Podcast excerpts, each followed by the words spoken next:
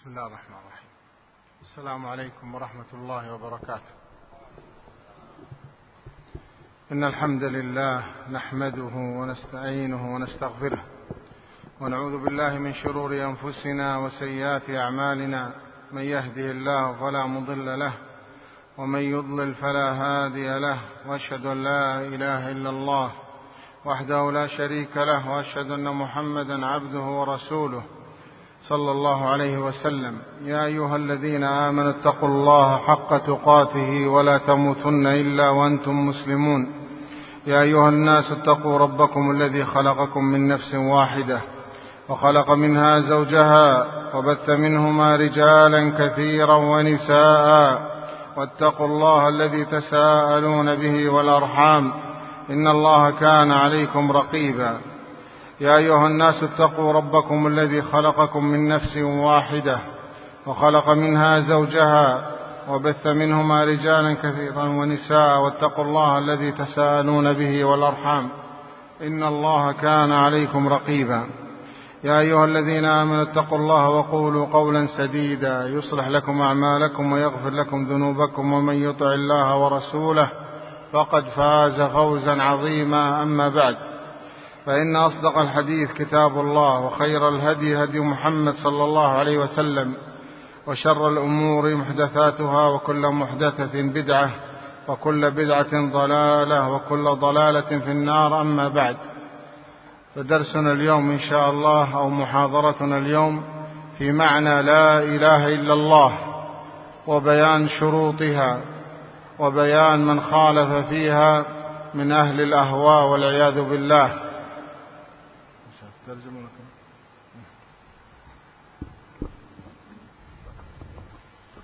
بسم الله الرحمن الرحيم.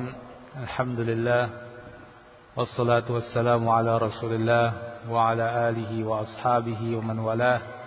ولا حول ولا قوة إلا بالله. أما بعد إخواني في الدين رحمكم الله InsyaAllah pada kesempatan ini kita akan mengikuti ceramah yang disampaikan oleh Syekh Khalid bin Khalaf. Al-Shammari Hafizahullah Ta'ala. Beliau adalah seorang pengajar di Lembaga Pendidikan Darul Quran di Kuwait. Dan beliau telah mengambil gelar magister di Jamiah Al-Kuwait Universitas Kuwait. Dan sekarang beliau dalam proses mengambil gelar doktoral di Universitas Al-Kuwait. Semoga apa yang akan beliau sampaikan bermanfaat bagi kita semuanya dan telah disebutkan oleh panitia bahwa tema pengajian kita pada kali ini adalah tentang bahaya ISIS. Namun beliau hafizahullah taala akan memaparkan terlebih dahulu tentang makna la ilaha illallah begitu pula syarat-syaratnya dan penyimpangannya. Kemudian baru setelah itu beliau akan masuk ke bab penyimpangan orang-orang khawarij. Dalam hal ini di masa ini orang-orang ISIS Jabhatun Nusrah Al-Qaeda dan yang lain. Karena dari penyimpangan tentang makna la ilaha illallah akhirnya mereka memiliki suatu pemikiran takfir yang dari situlah kemudian mereka melakukan gerakan-gerakan teror mereka sehingga kita akan dapati pembahasan tentang ISIS pada akhir-akhir atau setengah terakhir dari pemaparan beliau.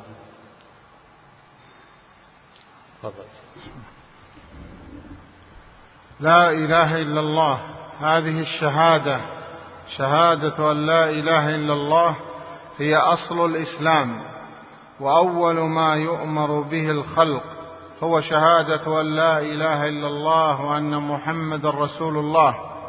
فبهذه الشهادة يصبح الكافر مسلما ويصبح العدو وليا ويصبح من أباح الكفر دمه معصوم الدم بشهادة أن لا إله إلا الله. بشهادة لا إله إلا الله يدخل في الإسلام ويكون له ما على المسلمين وعليه ما عليهم Kalimat la ilaha illallah ini merupakan syahadat suatu persaksian dan ikrar yang itu merupakan asal usul daripada Islam ini, pokok daripada agama Islam ini. Itulah yang pertama kali diperintahkan kepada makhluk-makhluk. Dan dengan itulah seorang yang kafir menjadi muslim, seorang musuh menjadi teman dan seorang yang haram darahnya, seorang yang dihalalkan darahnya menjadi haram atau dijaga darahnya. Sehingga dengan itu ia akan mendapatkan apa yang diperoleh oleh kaum muslimin pada umumnya. Dan ia pun akan seperti kaum muslimin yang lainnya pada urusan-urusan yang lain. ولقد اتفق أهل السنة والجماعة أهل الإسلام على أنه أول ما يجب على العبد حين يدخل في الإسلام هو أن يشهد أن لا إله إلا الله وأن محمد رسول الله ويفرد الله سبحانه وتعالى بالعبادة ودليل ذلك قول النبي صلى الله عليه وسلم لمعاذ بن جبل حينما أرسله إلى اليمن إنك تأتي قوما من أهل الكتاب فليكن أول ما تدعوهم إليه شهادة أن لا إله إلا الله وأن محمدا رسول الله. Dan ahlu sunnah wal jamaah pemeluk agama Islam telah bersepakat bahwa kewajiban pertama adalah syahadat la ilaha illallah Muhammad Rasulullah kemudian mengisahkan Allah Azza wa Jal dalam ibadah. Sebagaimana dalam hadis sabda Rasulullah sallallahu alaihi wasallam kepada Muad radhiyallahu anhu ketika beliau mengutus Muad ke negeri Yaman innaka ta'ti qauman min ahlil kitab. Sesungguhnya engkau akan mendatangi suatu kaum yaitu dari ahlul kitab falyakun awwala ma tad'uhum ilaihi syahadat alla ilaha illallah wa anna muhammadan rasulullah maka hendaknya yang pertama kali engkau dakwahkan adalah syahadat la ilaha illallah muhammad rasulullah فكلمة لا إله إلا الله هذه الشهادة هي كلمة التوحيد وهي كلمة الإخلاص لله في العبادة وهي أول ركن من أركان الإسلام وأعلى شعبة من شعب الإيمان وهي أول وأعظم واجب على المكلف وآخر واجب على المكلف فهو يخرج من الدنيا بشهادة أن لا إله إلا الله. Sehingga kalimat la ilaha illallah adalah kalimat tauhid. Dan kalimat al-ikhlas dan itu merupakan yang pertama dari rukun Islam. Kalimat la ilaha illallah juga merupakan cabang yang tertinggi daripada cabang Islam dan iman. Sehingga itu merupakan kewajiban yang paling agung terhadap seorang mukallaf yang dengannya nanti dia akan keluar dari dunia ini menuju akhiratnya. وأما معنى شهادة أن لا إله إلا الله فهذا هو الذي يجب على المسلم أن يعلمه من هذه الشهادة. فشهادة أن لا إله إلا الله بها ركنان فيها ركنان. الركن الأول وهو النفي فلا إله نفي لجميع الآلهة فلا يستحق العبادة. ولا يستحق التأله إلا الله. هنا الركن الثاني الإثبات. إلا الله. لا إله نفي لجميع الآلهة. إلا الله إثبات أن الله سبحانه وتعالى هو المستحق للعبادة وحده. لا شريك له. فمعنى لا إله إلا الله لا معبود بحق إلا الله سبحانه وتعالى. لا تعبد مع الله أحدا كائنا من كان. لا نبي مقرب ولا ملك مرسل ولا تذبح لغير الله ولا تدع غير الله ولا تصلي لغير الله ولا تخشى إلا الله. هكذا تكون العبادة لله سبحانه وتعالى وتحقق معنى لا إله إلا الله.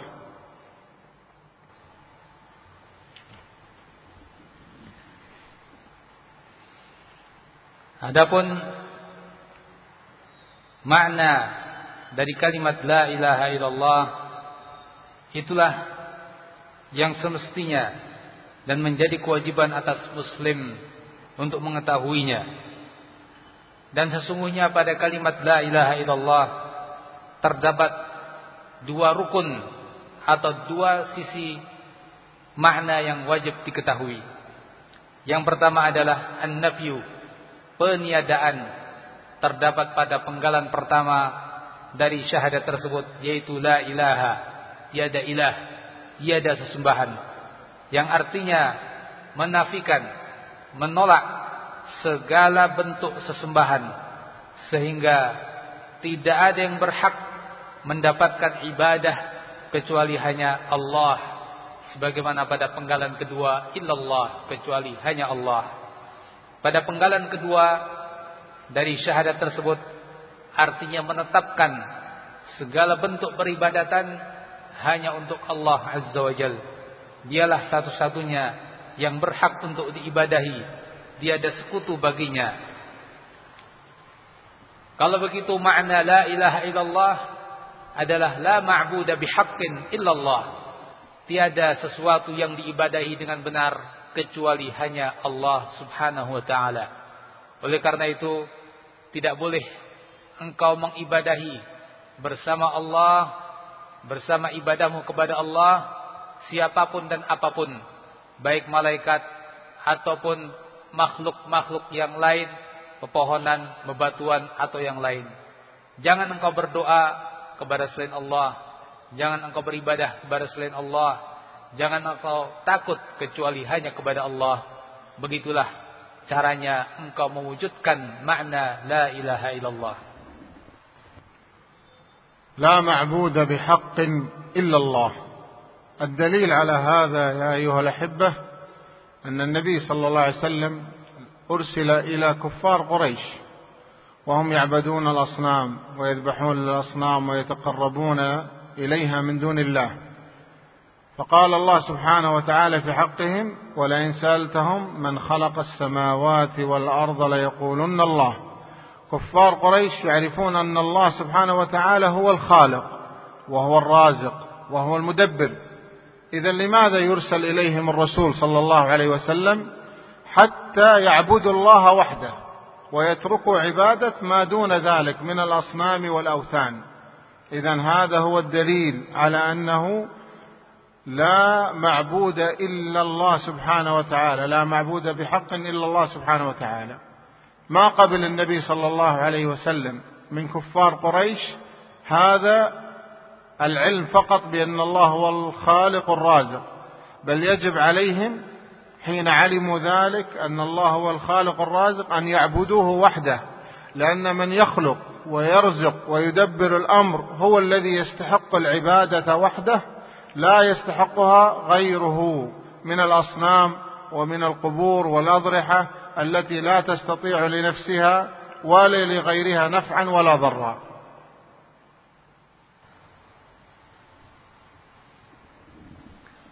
لا معبود بحق إلا الله Tiada yang berhak diibadahi dengan benar kecuali hanya hanya Allah Subhanahu wa taala. Dalil yang menunjukkan makna tersebut adalah bahwa Nabi sallallahu alaihi wasallam telah diutus oleh Allah Subhanahu wa taala kepada orang-orang kafir Quraisy dan yang sekitar mereka. Mereka saat itu mengibadahi berhala-berhala mengibadahi selain Allah Azza wa Jal. Mereka bertakarrub kepada sesembahan-sesembahan mereka mendekatkan diri kepada sesembahan-sesembahan mereka. Kemudian Allah Azza wa Jal berfirman dalam ayatnya Wala in man khalaqas samawati wal ard la yaqulunna Allah. Kalau engkau bertanya kepada mereka, siapakah yang menciptakan langit-langit dan bumi? mereka akan menjawab Allah. Dengan ayat tersebut kita ketahui bahwa orang-orang kafir saat itu mengakui bahwa Allah Azza wa Jal sebagai pencipta, bahwa Allah Azza wa Jal sebagai pengatur alam ini. Lalu kenapa Rasulullah sallallahu alaihi wasallam diutus oleh Allah Subhanahu wa taala kepada mereka? Tujuannya adalah agar mereka mengibadahi Allah Subhanahu wa taala saja dan meninggalkan selain Allah Subhanahu wa taala. Sehingga tidak dibenarkan keyakinan mereka sebatas pada bahwa Allah pencipta mereka dan pengatur mereka, tapi mereka pun harus meyakini bahwa Allah lah yang satu-satunya berhak diibadahi. Nabi sallallahu alaihi wasallam tidak menerima dari orang-orang kafir Quraisy keyakinan-keyakinan mereka yang hanya sebatas itu bahwa Allah Azza wa Jal sebagai pencipta dan pengatur atau pemberi rizki bahkan mereka wajib beribadah hanya kepada Allah satu-satunya sang pencipta sang pengatur itulah yang berhak satu-satunya untuk diibadahi bukan yang lain. Baik dalam bentuk kuburan-kuburan ataupun bentuk-bentuk sesembahan yang lain yang tidak mampu memberikan manfaat ataupun mudarat. فلا إله إلا الله يا أخوان كلمة عظيمة كما قلنا تدخلك إلى الإسلام فلا بد أن تعرف هذه الكلمة بمعناها وتعمل بمقتضاها من نفي الشرك وإثبات الوحدانية لله سبحانه وتعالى. فهذه الكلمة من أجلها شرعت السنن والفرائض من الصلاة والزكاة ومن أجلها حارب المسلمون في جهادهم لمن لم يقبل هذه الكلمة ولم ولم يؤمن بها فلهذا لا بد أن نعتني بهذه الكلمة عناية تامة فنعرف ما هو مقتضاها وما هي شروطها Kalimat la ilaha illallah merupakan suatu kalimat yang agung. Yang dengannya seorang akan menjadi masuk ke agama Islam ini oleh karenanya sudah semestinya seseorang mengetahui maknanya yang terkandung padanya yaitu menafikan dan menolak segala bentuk kesyirikan, peribadatan kepada selain Allah Subhanahu wa taala dan menetapkan ibadah hanya kepada Allah Subhanahu wa taala satu-satunya. Kalimat ini yang karenanya disyariatkan segala syariat-syariat baik salat, zakat maupun yang lain. Demikian pula disyariatkan jihad fi sabilillah karenanya. Maka sudah semestinya seseorang memberikan perhatian yang penuh untuk mengetahui makna la ilaha illallah, apa konsekuensi daripada kalimat la ilaha illallah dan apa syarat-syarat yang mesti dipenuhi demi mewujudkan kalimat la ilaha illallah. لقد ذكر العلماء رحمهم الله تعالى لكلمة لا إله إلا الله سبعة شروط سبعة شروط وسهلها بعضهم رحمه الله تعالى بأن جمعها في أبيات من الشعر ليسهل حفظها ولتحصل الفائدة من هذا. فجمعها قائلهم أن هذه السبعة شروط علم علم يقين وإخلاص وصدقك مع محبة وانقياد والقبول لها. علم يقين إخلاص وصدقك مع محبة وانقياد والقبول لها. وجمعها أيضا الشيخ حافظ حكمي رحمه الله تعالى في بيتين جميلين فقال وبشروط سبعة قد قيدت وفي نصوص الوحي حقا وردت فإنه لم ينتفع قائلها بالنطق إلا حيث يستكملها. العلم واليقين والقبول والانقياد فادر ما أقول. العلم واليقين والقبول والانقياد فادر ما أقول. والصدق والإخلاص والمحبة وفقك الله لما أحبه. والصدق والإخلاص والمحبة وفقك الله لما أحبه. Para ulama rahimahumullah telah menyebutkan bahwa la ilaha illallah memiliki tujuh syarat. Dan sebagian ulama telah mempermudah untuk menghafal ketujuh syarat tersebut dalam beberapa bait syair. Di antaranya sebagian ulama menyebutkan ilmun yakinun wa ikhlasun wa sidku kama yaitu pertama ilmu kedua yakin, ketiga ikhlas, keempat kejujuran. Bersama mahabbatin wa qiyadin wal qabulilaha mahabbah rasa cinta inqiyad tunduk kepadanya wal qabul dan menerimanya laha yakni terhadap makna kalimat tersebut atau terhadap kalimat tersebut. Demikian pula seorang ulama yaitu Hafidh Al-Hakami rahimahullah taala juga telah meringkas dalam beberapa bait syair beliau di mana beliau mengatakan wa bi syurutin sab'atin qad qayyidat dan dengan tujuh syarat kalimat la ilaha illallah telah diikat. Wa fi nususil wahyi haqqan waradat. Dan pada nas-nas wahyu betul-betul telah datang syarat-syarat itu. Fa innahu lam yantafi' qailuha bin nutqi illa haitsu yastakmiluha orang yang mengatakannya tidak akan dapat mengambil manfaat dari kalimat itu kecuali ketika dia menyempurnakannya. Al-ilmu wal yaqinu wal qabulu yaitu ilmu, yakin, menerima. Al-ilmu wal yaqinu wal qabulu wal inqiyadu fadri ma aqulu dan inqiyad maka ketahuilah apa yang ku katakan wasidku wal ikhlas wal mahabbah. Kemudian asidku wal ikhlas wal mahabbah. Kejujuran ikhlas dan rasa cinta. Waffaqakallahu lima ahabbah. Semoga Allah memberikan taufik kepadamu untuk mendapatkan cinta Allah Subhanahu wa taala atau sesuatu yang dicintai Allah azza wa jad Izan hiya sab'at syurut. نذكرها الآن على سبيل الإجمال قبل أن نبدأ بالتفصيل. الأول العلم المنافي للجهل. الأول العلم المنافي للجهل. والثاني اليقين المنافي للشك. الثاني اليقين المنافي للشك. والثالث القبول المنافي للرد.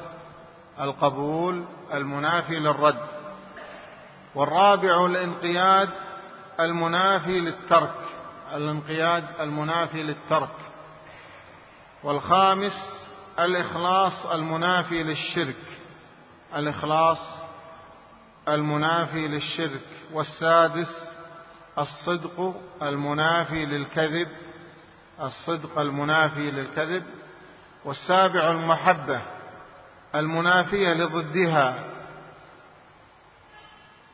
المحبة المنافية لضدها Jadi di sini ada tujuh syarat bisa kita sebutkan secara ringkas. Yang pertama adalah wajib mengetahui makna dan maksud dari la ilaha illallah. Yang ini berlawanan dengan al-jahl yaitu tidak mengetahui dan tidak mengerti maksud daripada kalimat itu.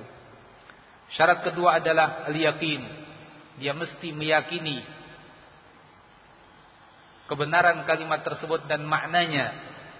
Yang ini bertolak belakang dengan asyak kebimbangan terhadap kebenaran dan kandungan makna kalimat tersebut. Yang ketiga adalah al-qabul, menerimanya, betul-betul menerima kalimat tersebut yang ini bertolak belakang dengan lawannya yaitu arad menolak dan tidak menerima kalimat tersebut seperti yang dilakukan musyrikin. Yang keempat adalah al-inqiyad, yakni tunduk patuh mengikuti apa konsekuensi daripada kalimat tersebut dan kandungan maknanya yang ini berlawanan dengan at-tark yaitu tidak mau tunduk dan tidak mau patuh terhadap kandungan dan konsekuensi daripada kalimat tersebut. Yang kelima adalah al-ikhlas. Betul-betul mengatakannya, mengikrarkannya dengan ikhlas. Tidak ada unsur kesyirikan atau niat untuk selain Allah Subhanahu wa taala. Yang keenam adalah as kejujuran, yakni mengatakannya, mengikrarkannya dengan jujur, benar, lahir dan batin sama Dan ini bertentangan dengan al-kadzib kedustaan seperti yang dilakukan oleh orang-orang munafik. Yang ketujuh adalah mahabbah, rasa cinta. Cinta terhadap makna, terhadap kalimat dan kandungan makna yang ada pada kalimat tersebut. Yang ini berlawanan dengan rasa benci terhadap kalimat atau kandungan makna kalimat tersebut. الشرط الأول العلم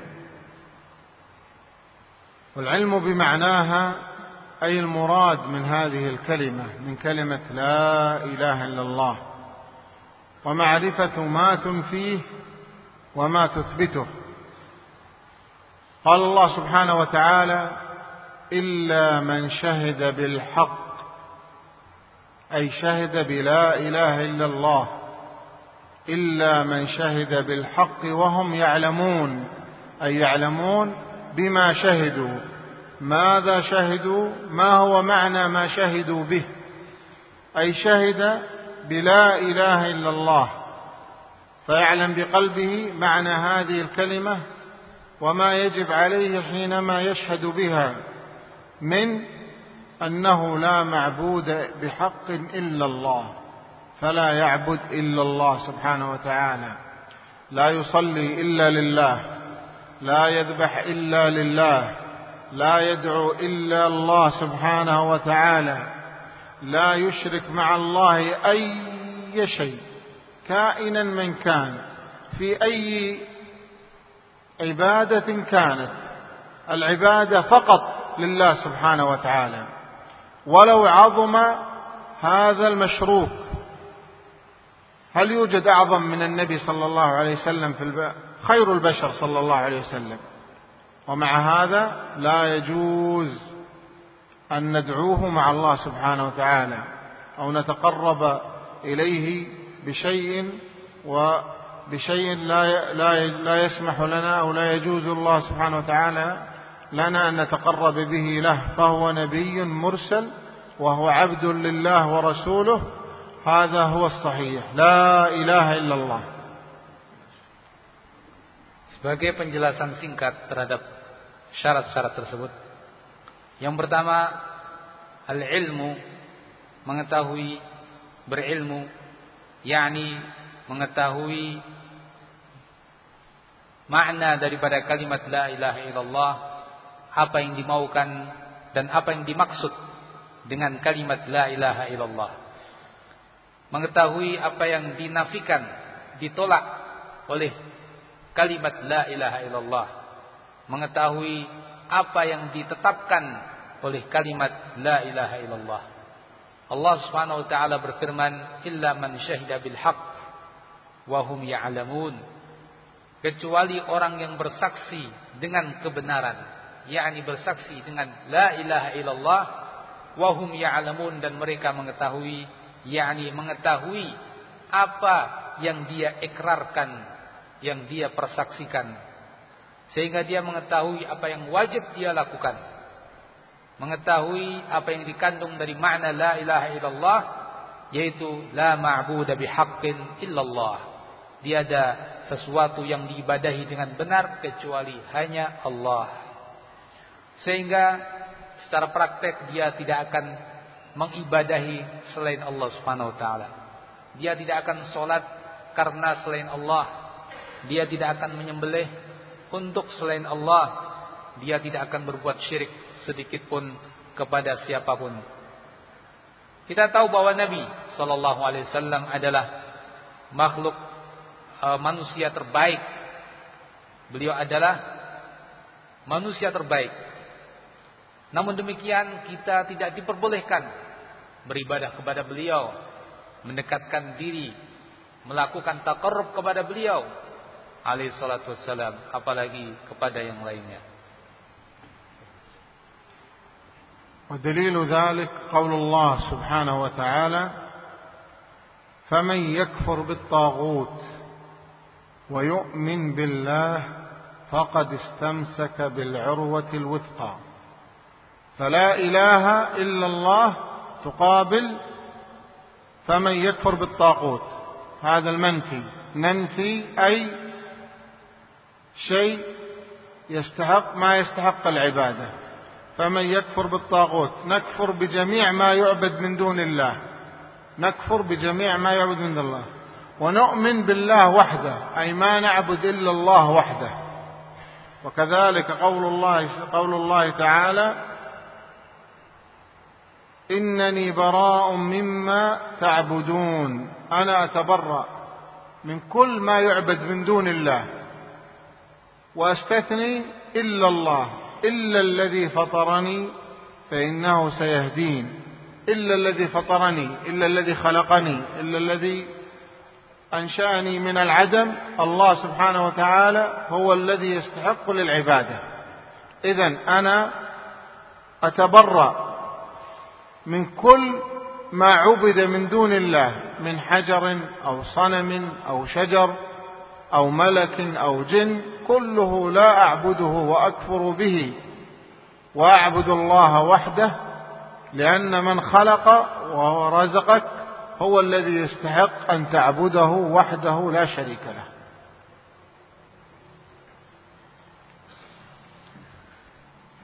Di antara dalil yang menunjukkan makna kalimat la ilaha illallah adalah firman Allah pada surat Al-Baqarah, "Kama yakfur bit-taghuti wa yu'min billah faqad istamsaka bil urwatil wuthqa."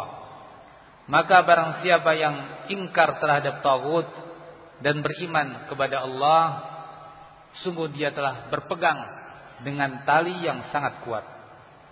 Ayat tersebut bila kita perhatikan merupakan kandungan dari makna la ilaha illallah. La ilaha tiada ilah. Menafikan dan menolak segala bentuk ketuhanan. Ini sama dengan faman yakfur bitaghut. Siapa yang ingkar kepada tagut, yakni ingkar kepada seluruh sesembahan selain Allah Subhanahu wa taala. Wa yu'min billah dan beriman kepada Allah ini sama dengan illallah kecuali Allah. Sehingga dengan ayat tersebut artinya barang siapa yang ingkar kepada tagut yakni ingkar kepada seluruh sesembahan selain Allah Subhanahu wa taala dan ia beriman hanya kepada Allah satu-satunya sebagai ilah maka dia telah berpegang teguh dengan tali yang sangat kuat. Yakni kalau begitu ini juga sesuai dengan firman Allah Azza wa Jal yang lainnya yang menunjukkan makna la ilaha illallah yaitu innani bara'un mimma ta'budun. Ketika Allah menceritakan tentang salah satu nabinya dia mengatakan innani bara'un mimma ta'budun. Sesungguhnya aku berlepas diri dari segala apa yang kalian ibadahi illa alladhi fatarani kecuali yang menciptakan aku nah dialah sang pencipta yaitu Allah azza wajal satu-satunya yang berhak untuk diibadahi aku berlepas diri dari segala bentuk peribadatan kepada selain Allah apakah itu bentuk pohon atau malaikat atau jin semuanya aku berlepas diri darinya dan aku hanya beribadah kepada Allah saja karena dialah yang menciptakan dan dialah yang memberi rizki. الشرط الثاني اليقين. فلا بد لمن يشهد أن لا إله إلا الله أن يكون مستيقنا بها في قلبه. وعنده يقين في هذه الكلمة كما قال الله سبحانه وتعالى إنما المؤمنون الذين آمنوا بالله ورسوله ثم لم يرتابوا. لم تكن عندهم ريبة في قلوبهم إنما عندهم يقين بأن هذه الكلمة هي الحق وهي الصدق وهي المنجية له. كذلك جاء في الحديث عن النبي صلى الله عليه وسلم أنه قال لأحد الصحابة من لقيت وراء هذا الحائط من لقيت وراء هذا الحائط يشهد أن لا إله إلا الله مستيقنا قلبه مستيقنا بها قلبه فبشره بالجنة. إذا يشهد أن لا إله إلا الله مع يقينه في قلبه بصدق هذه الكلمة وأنها هي الكلمة التي تنجيه وتدخله إلى الجنة. Yang kedua adalah al-yaqin. Sehingga seorang yang mengucapkan la ilaha illallah mesti betul-betul yakin akan kebenaran makna la ilaha illallah dan kandungan maknanya. Ia yakin hal itu dalam kalbunya betul-betul kuat dan mantap dalam kalbunya. Disebutkan dalam ayat Innamal mu'minuna alladziina amanu billahi wa rasulihi tsumma lam yartabu. Sesungguhnya orang-orang yang beriman adalah mereka yang beriman kepada Allah dan Rasulnya kemudian mereka tidak punya keraguan yakni mereka betul-betul yakin mereka jujur dan mereka yakin bahwa itulah kalimat yang akan menyelamatkan atau menjadi sebab keselamatan dia di akhirat kelak juga Nabi SAW mengatakan kepada sebagian sahabatnya, "Man laqita wara'a hadzal ha'id yashhadu an la ilaha illallah mustaiqinan biha qalbuh, fabashshirhu bil jannah." Siapa saja yang kamu temui di belakang kebun ini dan dia bersaksi dengan persaksian la ilaha illallah dan penuh dengan keyakinan terhadapnya kalbunya meyakininya maka berikan kabar gembira untuknya bahwa dia akan masuk ke dalam surga. yakni betul-betul membenarkan kalimat la ilaha illallah, yakin bahwa itu akan menjadi sebab keselamatannya. الشرط الثالث القبول القبول يا عبد الله إذا شهدت أن لا إله إلا الله وعلمت معناها واستيقن قلبك بها فلا بد أن تقبل بما جاءت به.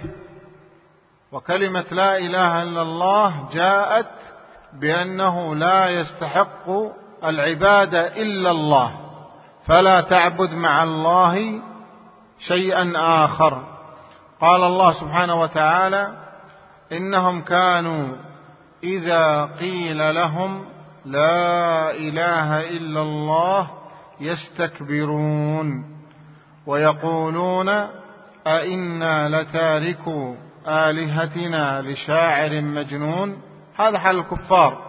إذا قيل لهم ودعوا إلى أن يقولوا لا إله إلا الله ويشهدوا بلا إله إلا الله ويعملوا بلا إله إلا الله قالوا هذا الكلام لا نقبل به.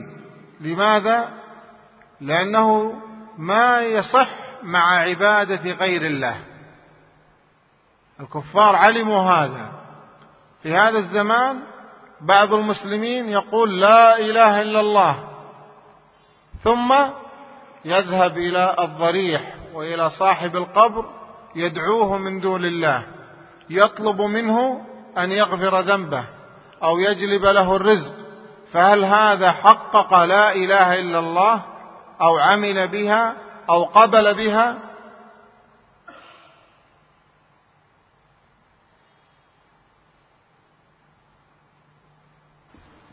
Yang ketiga adalah al-qabul. Artinya menerima. Wahai hamba Allah. Bila engkau telah bersaksi dengan persaksian tersebut engkau mengetahui makna dan kandungannya dan engkau yakin dengan apa yang terkandung padanya maka engkau wajib menerima apa yang dibawa oleh kalimat la ilaha illallah dan kalimat la ilaha illallah membawa suatu makna bahwa tiada yang berhak diibadahi kecuali hanya Allah. Sehingga jangan engkau beribadah bersama ibadahmu kepada Allah selain Allah Subhanahu wa taala. Dahulu orang-orang musyrik sebagaimana Allah firmankan, "Annahum kanu idza qila lahum la ilaha illallah yastakbirun." Bahwa mereka apabila diajak untuk mengucapkan la ilaha illallah, mereka sombong, tidak mau menerima. Padahal mereka tahu makna la ilaha illallah dan kandungannya, tapi mereka tidak mau menerima. Wa yaqulun dan mereka mengatakan, "A inna la tariku alihatina?" Apakah kami mesti meninggalkan sesembahan-sesembahan kami di syairin majnun demi mengikuti seorang penyair yang gila? Mereka orang-orang kafir ketika diajak untuk mengucapkan la ilaha illallah justru mengatakan kami tidak mau menerima. Karena dengan mengucapkan la ilaha illallah mereka tidak mungkin beribadah kepada selain Allah Subhanahu wa taala. Mereka paham makna tersebut. Konsekuensi dari mengucap la ilaha illallah artinya meninggalkan segala peribadatan kepada selain Allah. Mereka paham konsekuensi makna tersebut. Oleh karena mereka tidak mau menerima.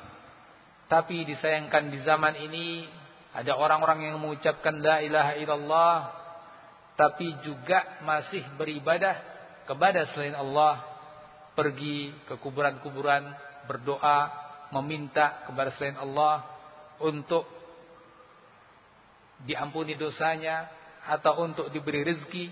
Apakah yang seperti ini mengatakan kandungan makna la ilaha mengamalkan kandungan la ilaha illallah? Tentu jawabnya tidak. الشرط الرابع الانقياد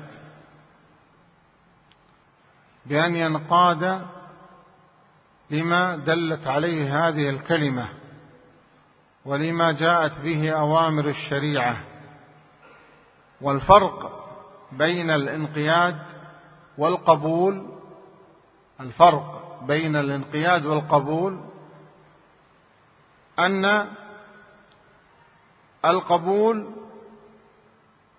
إظهار هذا بالقول إظهار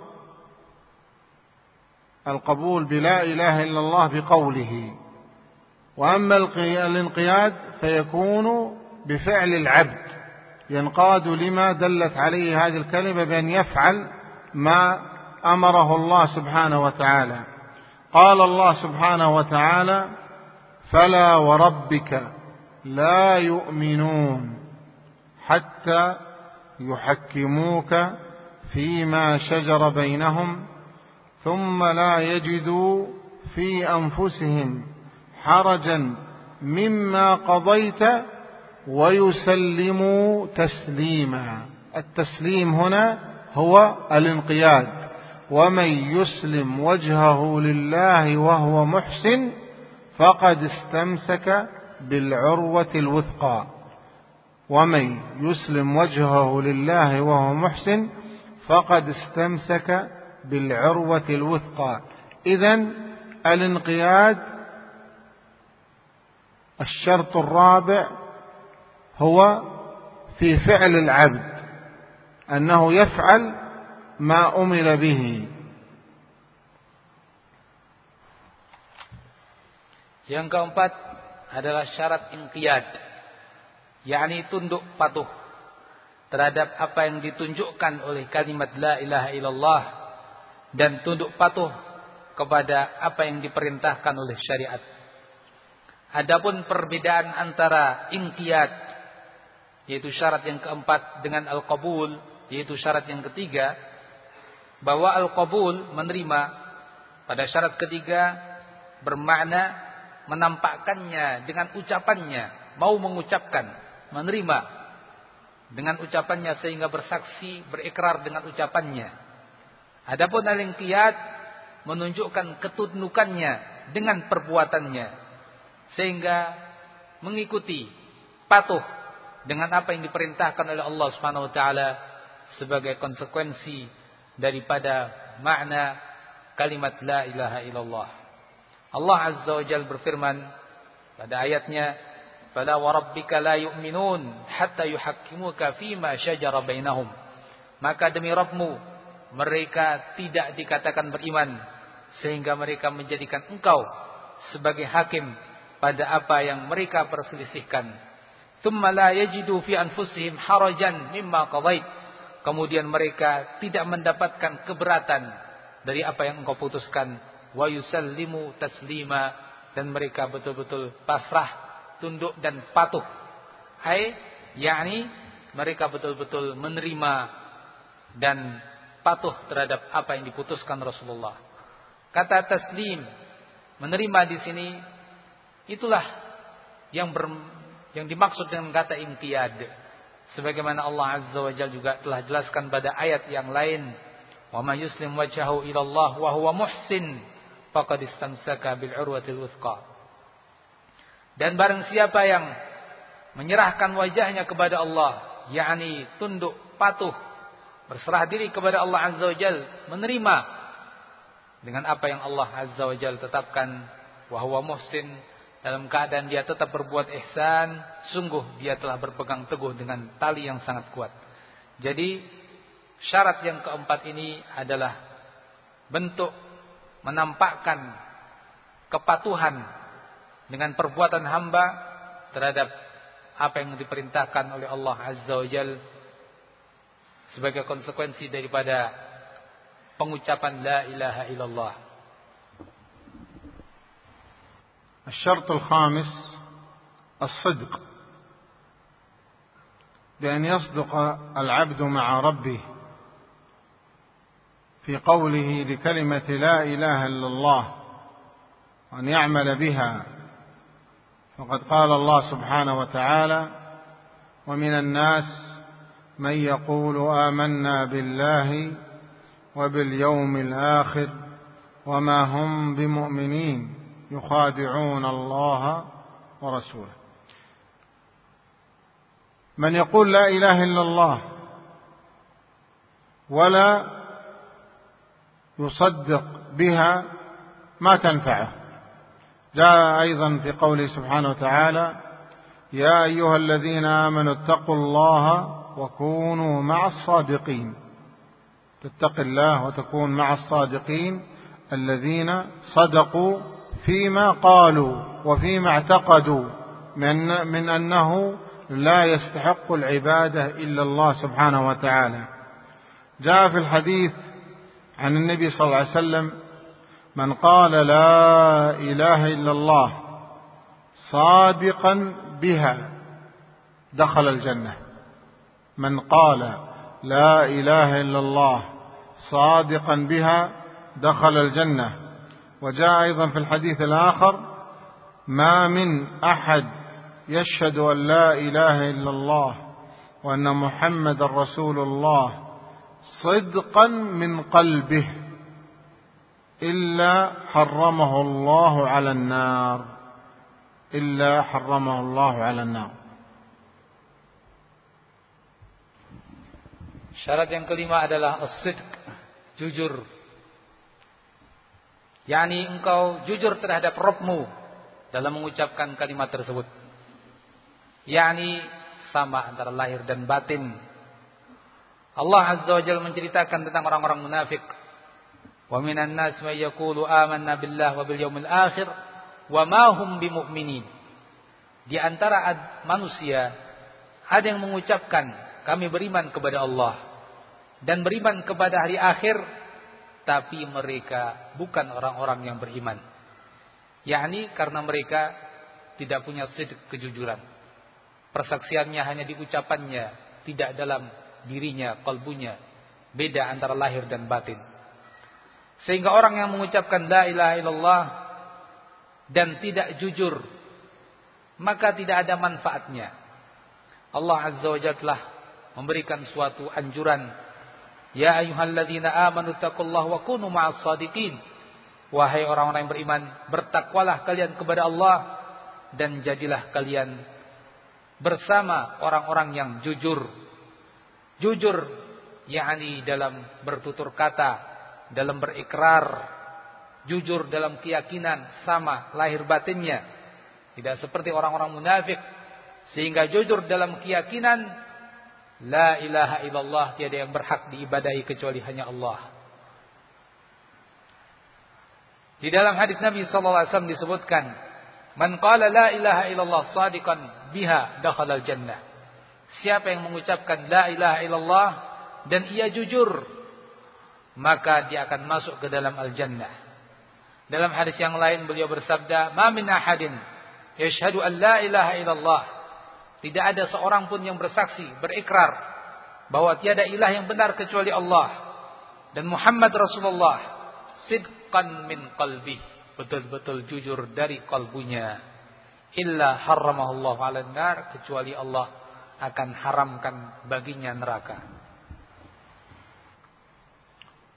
الشرط السادس الإخلاص فيخلص العبد ويصفي جميع أعماله بعد أن ينوي النية الصالحة أن تكون هذه الأعمال وهذه الأفعال وهذه الأقوال لله سبحانه وتعالى وحده.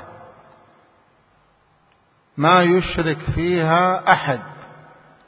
قال الله سبحانه وتعالى ألا لله الدين الخالص ألا لله الدين الخالص. أي ما عملت من الأفعال والأقوال تطلب بها وجه الله لا بد أن تكون خالصة لله.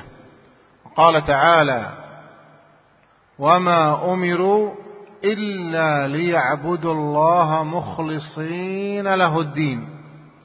وما أمروا إلا ليعبدوا الله مخلصين له الدين. أي تعبد الله بالإخلاص. وجاء في الحديث عن النبي صلى الله عليه وسلم أن أبا هريرة قال قال لي رسول الله سألت رسول الله صلى الله عليه وسلم من أسعد الناس بشفاعتك؟ قال رسول الله أسعد الناس بشفاعتي يوم القيامة من قال لا إله إلا الله خالصا من قلبه من قال لا إله إلا الله خالصا من قلبه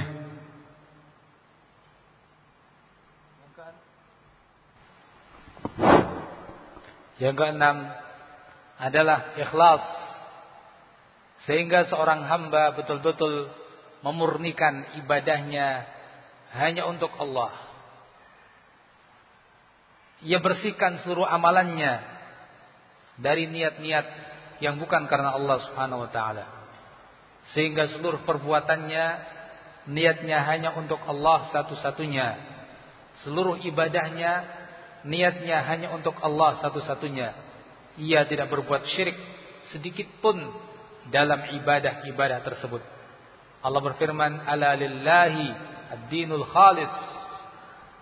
Ketahuilah bahwa hanya milik Allah agama yang murni ini.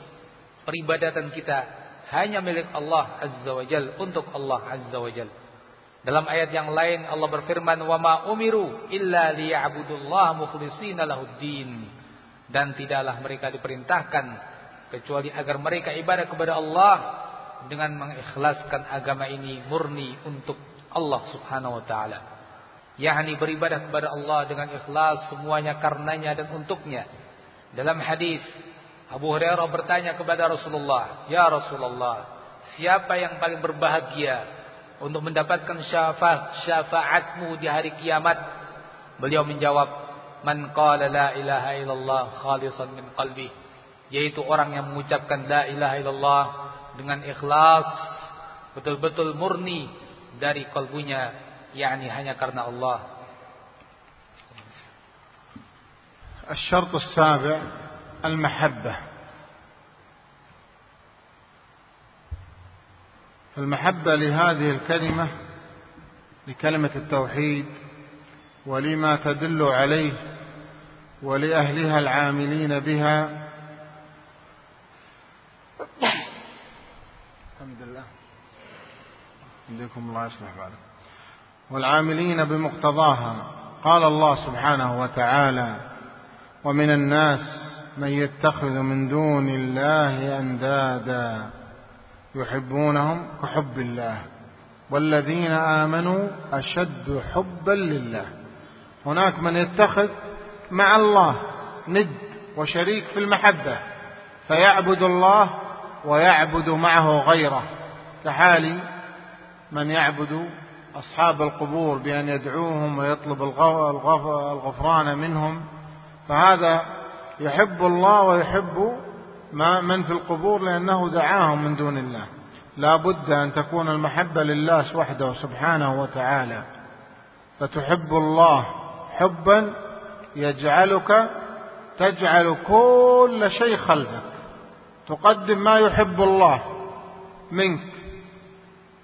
الله يحب منك أن تعبده وحده لا شريك له. ولا تشرك معه أحد. تفعل هذا حتى يحبك الله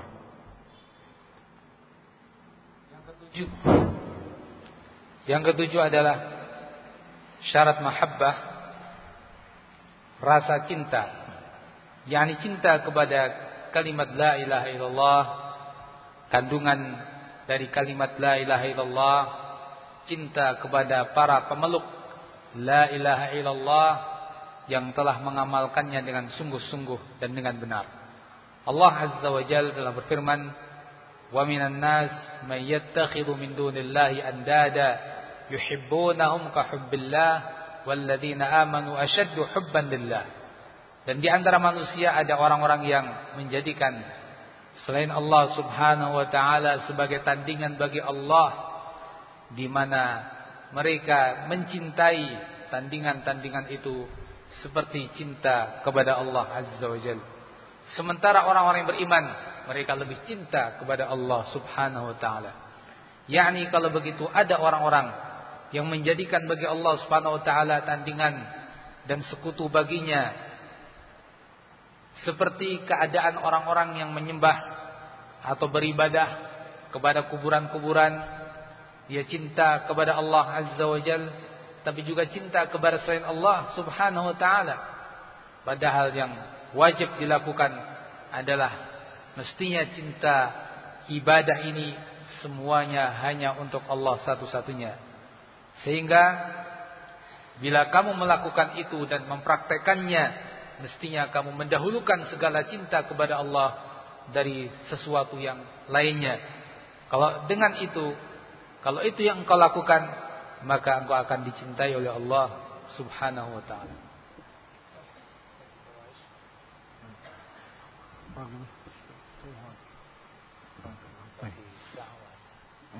طيب بعد بيان هذه الكلمة كلمة لا إله إلا الله وبيان التفسير الحق لها تفسير الصحابة بما استدلوا به من الآيات من القرآن والحديث النبوي. لا بد أن نعرف أن هناك من حرف فهم هذه الكلمة وحرف الاستدلال بها وصرفها عن معناها الحق وهو أنه لا معبود بحق إلا الله سبحانه. إلا الله سبحانه وتعالى. ومن صرف تفسير لا إله إلا الله عن الحق انحرف. وضل والعياذ بالله. وسوف نذكر بعض من انحرف في تفسير لا إله إلا الله وكيف وصلت بهم الأحوال بعد أن أضلوا وضلوا غيرهم في تفسير لا إله إلا الله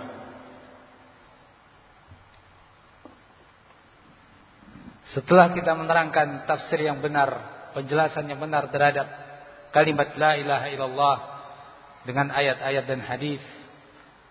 maka kita mesti mengetahui bahwa di sana ada orang-orang yang menyelewengkan penafsiran tersebut yang menyelewengkan pemahaman yang benar kepada pemahaman yang salah. Pemahaman yang benar dan makna yang benar secara singkat adalah la ma'budu bihaqqin illallah. Tiada ma'bud sesuatu yang diibadahi dengan benar kecuali Allah Subhanahu wa taala. Namun ada sebagian yang berusaha memalingkan dari makna tersebut sehingga ketika dia memalingkan dari makna yang benar dia akan menyeleweng dan sesat. Dan kini di sini kita akan menyebutkan sebagian kelompok yang menyeleweng dari makna yang benar tersebut dan bagaimana akhir atau akibat dari penyelewengan itu setelah mereka yakni melakukan penyimpangan terhadap makna la ilaha illallah. من هؤلاء من قال أن معنى لا إله إلا الله هو تصديق في القلب فقط. تقول لا إله إلا الله فقط دون أن تعمل ودون أن تعبد الله ودون أن تفعل من العبادات ما يقربك إلى الله أنت تدخل الجنة ومقبول منك. ما جئت به ولو كان قليلا. فهؤلاء قصروا معنى لا إله إلا الله على تصديق في القلب فقط. هذا خطأ وضلال والعياذ بالله. الله سبحانه وتعالى يقول في كتابه فاعلم أنه لا إله إلا الله واستغفر لذنبك. قول وعمل. ليس معنى لا إله إلا الله فقط أنك تقولها بلسانك وتصدقها بقلبك فهذا خطأ كبير نسأل الله السلامة Di antara mereka yang mengatakan bahwa makna kalimat la ilaha illallah adalah sekedar kita membenarkan dalam kalbu kita saja. Tanpa mengamalkan dengan perbuatan sekalipun. Sehingga dengan itu mereka tidak mengharuskan beramal. Melakukan segala konsekuensi dari pengucapan la ilaha illallah. Bagi mereka tidak perlu bertakarrub kepada Allah Subhanahu wa taala dengan ibadah-ibadah. Mereka meyakini dengan seperti itu sudah cukup untuk memasukkan ke dalam surga dan akan diterima engkau di sisi Allah Subhanahu wa taala walaupun kamu hanya sedikit beramal sehingga mereka hanya membatasi maknanya pada pembenaran saja dalam kalbu ini jelas kesalahan dan ini kesesatan firman Allah Azza wa Jalla Fa'lam annahu la ilaha illallah wastaghfir li dzambik. Ketahuilah bahwa tiada ilah yang benar kecuali Allah wastaghfir dan beristighfarlah. Meminta ampun terhadap dosa-dosamu. Lihatlah dalam ayat ini setelah Allah memerintahkan untuk mengucapkan untuk mengetahui la ilaha illallah datang langsung perintah untuk apa? Istighfar dan istighfar adalah amal ini juga isyarat terhadap amalan-amalan yang lain. Tidak cukup sekedar mengetahui la ilaha illallah, bahkan wajib beramal. وهناك أيضا من فسر لا إله إلا الله تفسيرا خاطئا وقال هي معناها لا خالق إلا الله أو لا قادر على الاختراع الاختراع إلا الله. ففسرها بالربوبية أن الله هو الرب هو الخالق هو الرازق.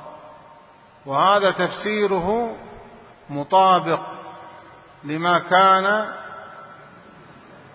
يفسر به كفار قريش والكفار قبل بعثة النبي صلى الله عليه وسلم هذا الفعل. كانوا يقولون لا إله إلا الله ومع ذلك كانوا يعبدون غير الله يذبحون لغير الله يستغيثون بغير الله مع أنهم كانوا يقرون ويعترفون أن الله هو الخالق الرازق. ومع هذا ما نفعهم فوصفوا بأنهم كفار وأرسل النبي صلى الله عليه وسلم ليقول لهم قولوا لا إله إلا الله تفلحوا أي اعبدوا الله وحده تفلحوا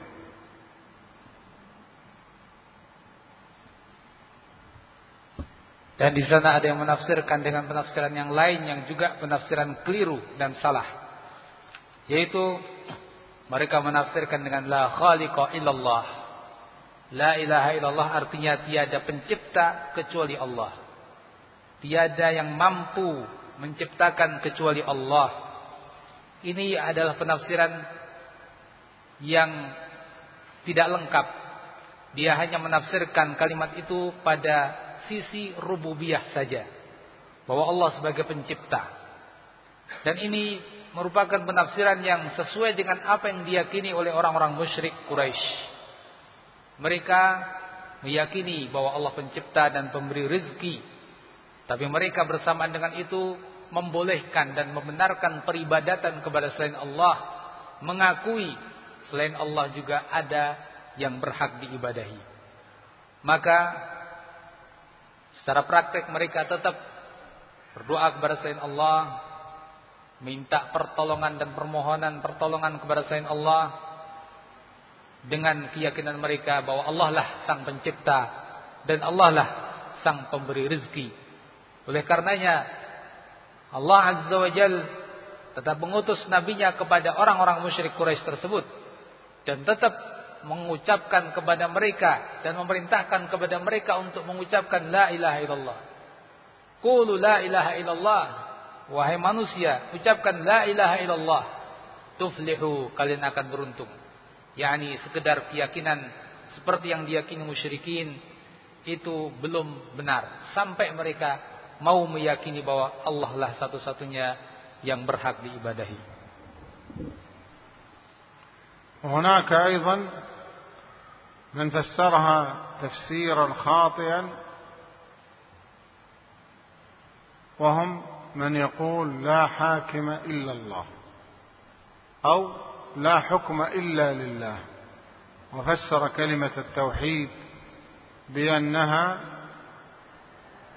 توحيد الحاكمية فقط وأخذ جزئية صغيرة من العبادة وجعلها هي الأساس.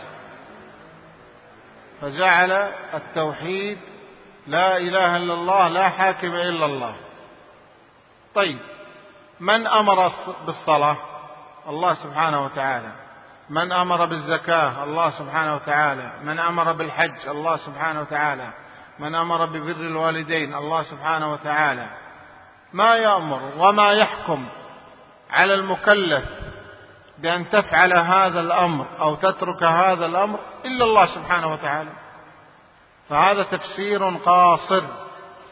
من يقول لا إله إلا الله معناها لا حاكم إلا الله فهذا تفسير قاصر وتفسير خطأ رد عليه العلماء وبينوا خطأ هذا التفسير وأنه من يصر على هذا التفسير يصل إلى حد البدعة والضلال والعياذ بالله لأنه يريد حاجة في نفسه ما يريد أن يعبد الله كما أراد الله سبحانه وتعالى.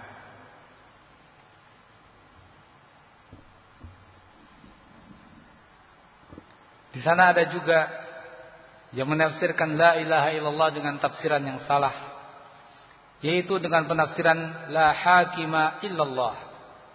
Tiada yang menghakimi kecuali Allah. Atau la hukma illa lillah. Tiada hukum kecuali milik Allah Subhanahu wa taala. Dengan penafsiran ini mereka telah menafsirkan la ilaha illallah dengan penafsiran yang sempit hanya pada bidang hakimiyah yang mereka istilahkan dengan tauhid hakimiyah. Tauhid secara hukum, tauhid dalam bab hukum saja. Ini artinya mereka hanya mengambil sebagian kecil dari makna la ilaha illallah yang luas. Dan mereka menjadikan makna ini sebagai asas, sebagai pokok dalam keyakinan mereka. Allah Subhanahu wa taala dialah yang memerintahkan perintah-perintah ibadah, salat, zakat, birrul walidain. Ini semua adalah ibadah. Nah, bukankah ini semuanya juga wajib diberikan hanya kepada Allah Azza wa Jal? yakni tidak sebatas pada bab hukum. Sehingga penafsiran mereka ini merupakan penafsiran yang sempit, salah dan telah dibantah oleh para ulama. Ulama telah menjelaskan tentang kesalahan penafsiran semacam itu dan ulama menghukumi bahwa orang yang terus meyakini pada keyakinan tersebut bisa sampai kepada bid'ah. Mereka telah jatuh dalam bid'ah dengan penafsiran tersebut dan mereka telah sesat. Dan sesungguhnya mereka menginginkan dengan itu sesuatu yang mereka maukan yang tersembunyi dalam diri-diri mereka. Bukan betul-betul ingin beribadah kepada Allah dengan peribadatan yang seutuhnya yang benar.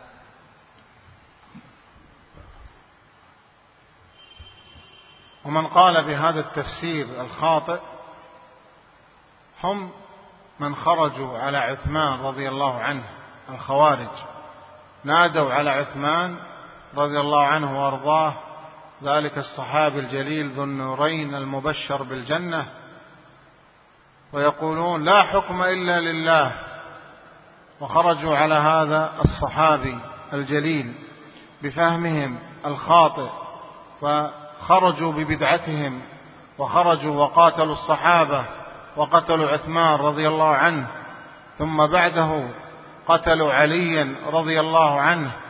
وما لهم هؤلاء الاثنان من السابقة في الإسلام ومن نصر الإسلام. فسبحان الله ما أجهل هؤلاء الناس. فسروا التوحيد خطأ ثم انتصروا لهذا التفسير الخطأ وقاتلوا من هم خير الناس بعد الأنبياء وهم الصحابة على هذا التفسير الخطأ. ولا يزال يخرجون من هم على شاكلتهم إلى هذا اليوم. كلما خرج منهم قرن قطع بفضل الله وانتهى.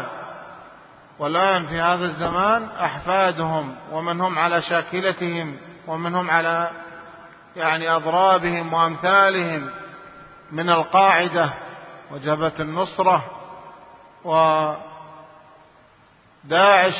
هؤلاء كلهم يرتكبون نفس الخطأ ويقولون بنفس القول هذا القول الذي أضاع عليهم الدنيا والآخرة وأفسد في الإسلام أيما إفساد.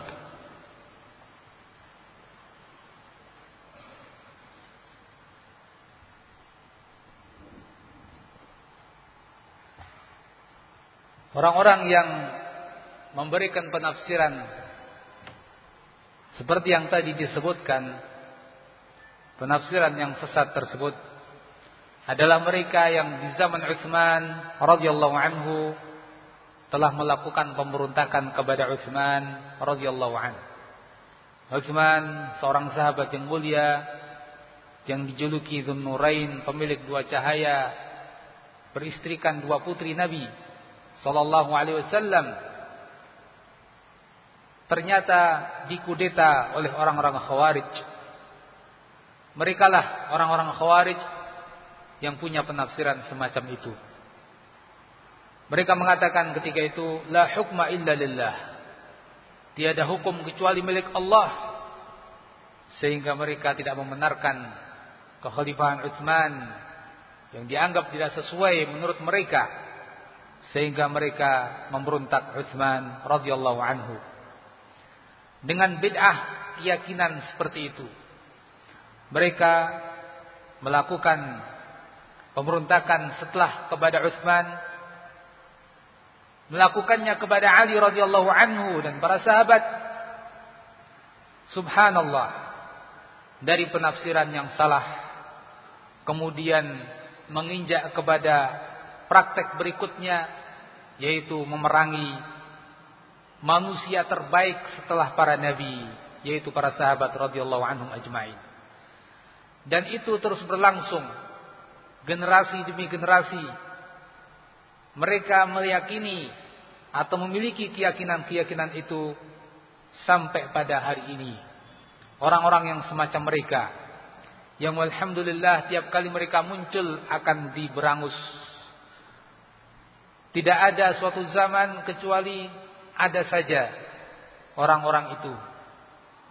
Mereka yang semacam itu di zaman ini dikenal dengan kelompok Al-Qaeda atau sayap militernya Jabhatun Nusrah atau Daesh yang dikenal dengan ISIS.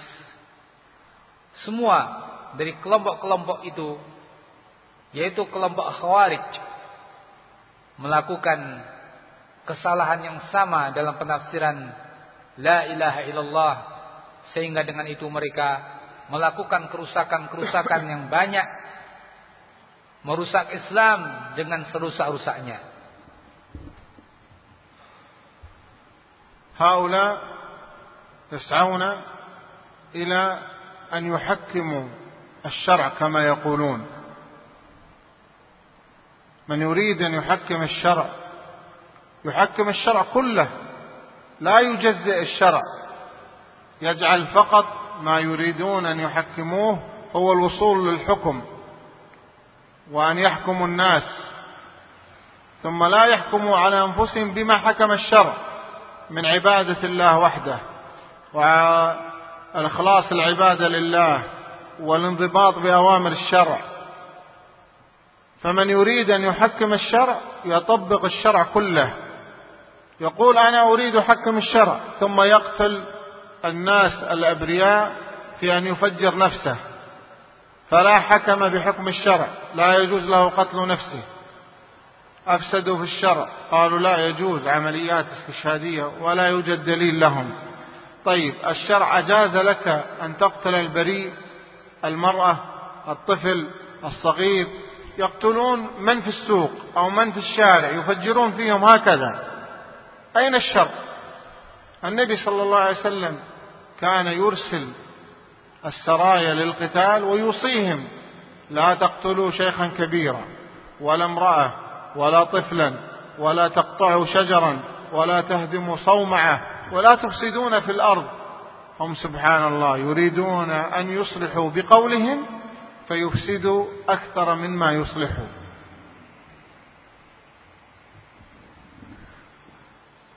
Mereka orang-orang tersebut menurut pengakuan mereka mereka ingin menetapkan dan menerapkan syariat. Sesungguhnya apabila seorang mengaku ingin mempraktekkan syariat tentu mempraktekannya seutuhnya bukan hanya sebagiannya bukan sekedar ingin menguasai suatu wilayah bukan sekedar ingin sampai kepada kepemimpinan. Kemudian mereka sendiri tidak menerapkan syariat pada diri-diri mereka dengan apa yang Allah Azza wa Jal tetapkan dari syariat yaitu ibadah hanya kepada Allah Azza wa Jal dan sesuai dengan apa yang ditetapkan oleh syariat Allah Subhanahu wa taala mempraktekkan hal itu pada diri mereka. Bagaimana mereka ternyata melakukan pelanggaran-pelanggaran syariat? Bom bunuh diri. Mereka mengajak manusia untuk melakukan itu dan mereka melakukannya pada diri mereka. Apa dalil dari syariat yang membolehkan hal tersebut tidak ada dalil yang membolehkan dan membenarkan perbuatan itu. yakni artinya mereka tidak menerapkan syariat pada diri mereka. Apa yang mereka lakukan dari berbagai kejahatan, membunuh orang-orang yang tidak berdosa, wanita, anak-anak, orang yang di jalanan, yang di pasar, semena-mena mereka lakukan peledakan atau pembunuhan Mana syariat yang mereka lakukan dengan cara-cara seperti itu? Nabi sallallahu alaihi wasallam dahulu mewasiatkan kepada pasukan perang beliau ketika mau berperang. La taqtulu syaikhan kabiran. Jangan kalian membunuh orang-orang yang sudah tua. Jangan kalian membunuh wanita. Jangan kalian membunuh anak-anak. Bahkan jangan kalian membunuh tempat-tempat peribadatan yakni walaupun peribadatannya non muslim tentunya Yahudi ataupun Nasrani. Nah, sehingga dengan ini jelas e, mereka tidak menginginkan suatu kebaikan. هؤلاء انطلقوا من تفسيرهم للتوحيد أنه لا حاكم إلا الله أي الحكم لله فيأتون يقولون الحاكم مال الدولة ما يحكم بالشريعة من غير تفصيل كما يفصل أهل العلم. إذا هو كافر. طيب. الوزير تحت الحاكم ينفذ ما يقول الحاكم هو كافر. المدير تحت الوزير كافر. رجال الشرطة البوليس يدافعون عن الحاكم. إذا هم كفار. رجال الجيش يدافعون عن الحاكم وعن الدولة والوزراء هم مثلهم. ثم نبقى نحن الشعب. أنتم لماذا لم تكفرون هؤلاء؟ من لم يكفر الكافر فهو كافر فيكفروننا معهم فيكفرون المجتمع كله ولا يبقى مسلم إلا هم. سبحان الله. ثم يستحلون دماءنا لأننا كفرنا بنظرهم. فيجوز لهم أن يقتلونا. سبحان الله. الإسلام أمر بماذا؟ بالصدق وبالعدل وبالوفاء بالعقد والوفاء بالعهود. هو يدخل بين المسلمين مختفيا. قد يلبس لبس امرأة يخفي في نف في جسمه متفجرات ثم يفجر في مجموعة من الناس ما يعرفهم. ممكن يكون فيهم مسلمين. ماذا رده؟ يقول الله يتجاوز. لهذه الدرجة وصلت بهم الاستخفاف بالدم مع أن دم المسلم حرمته عظيمة عند الله سبحانه وتعالى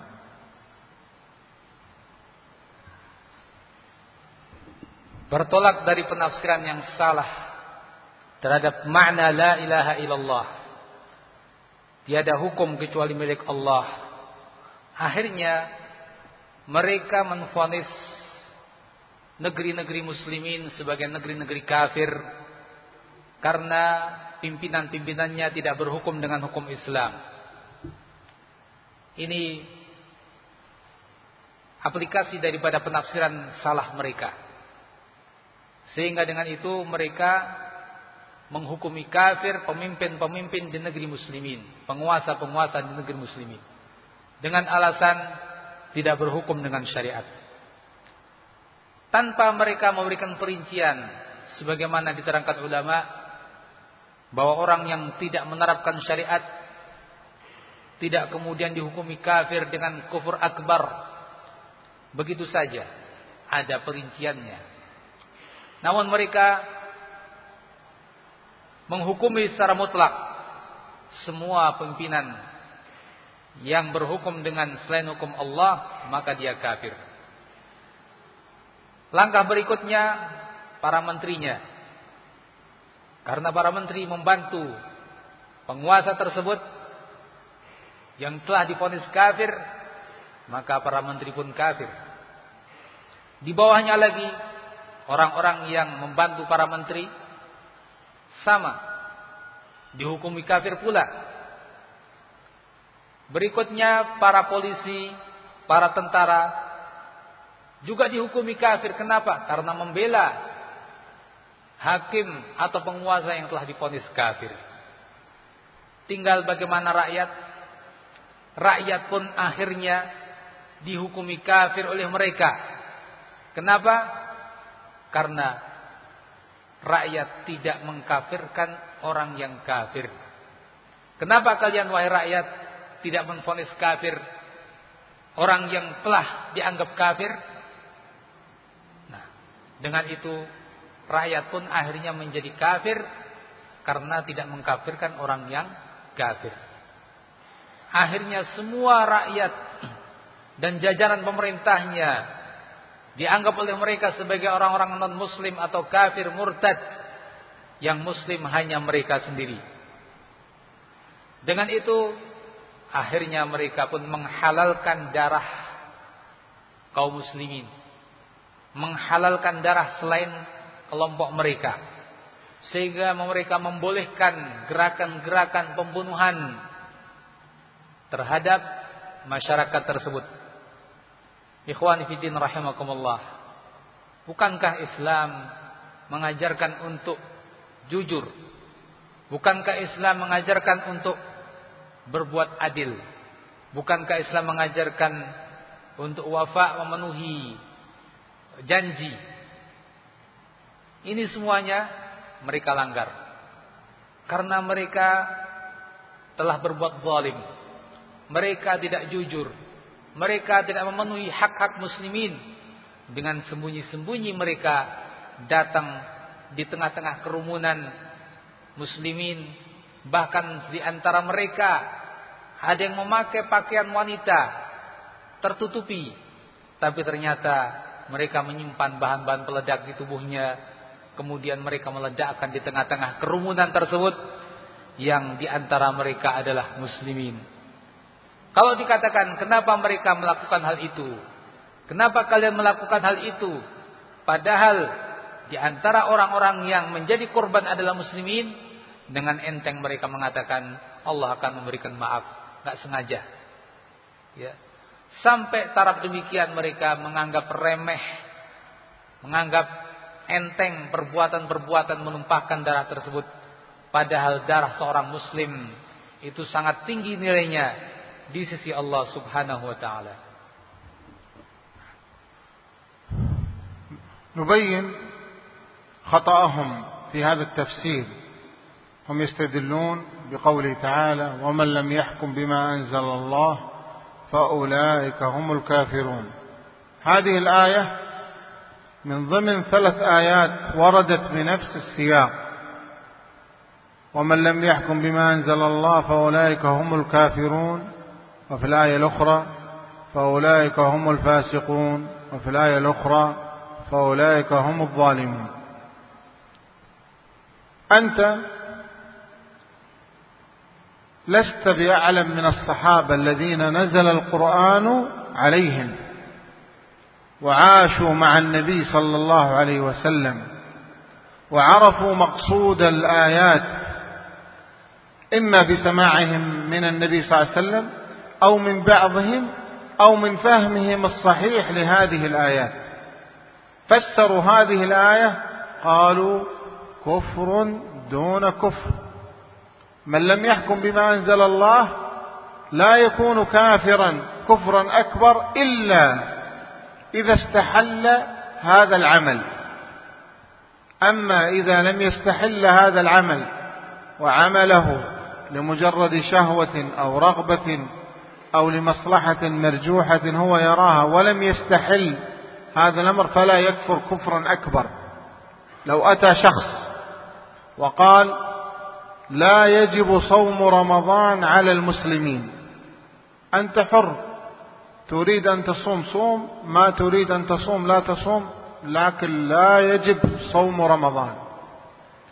صوم رمضان معروف في الشريعة أنه ركن من أركان الإسلام وأنه يجب الصوم. فمن يأتي ويقول الصوم غير واجب وهو يعلم ورود الآيات والأحاديث في الصوم يكون هذا مستحيل. مستحيل رد هذا الحكم وهو يعلم قول الله. هذا يكفر.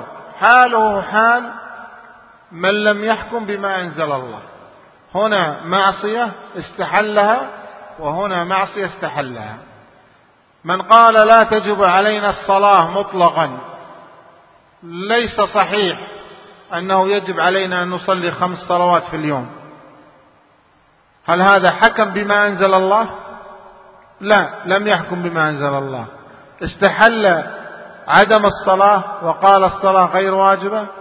نفسه نفس من يحكم بما غير ما بغير ما أنزل الله إذا استحل الحكم بغير أما كما قلنا إذا فعله من غير استحلال فلا يكفر الكفر الأكبر إنما يكون عاصيا بذلك.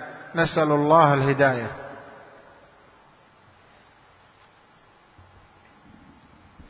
Di sini kita akan menerangkan kesalahan penafsiran tersebut, yakni terhadap makna la ilaha illallah.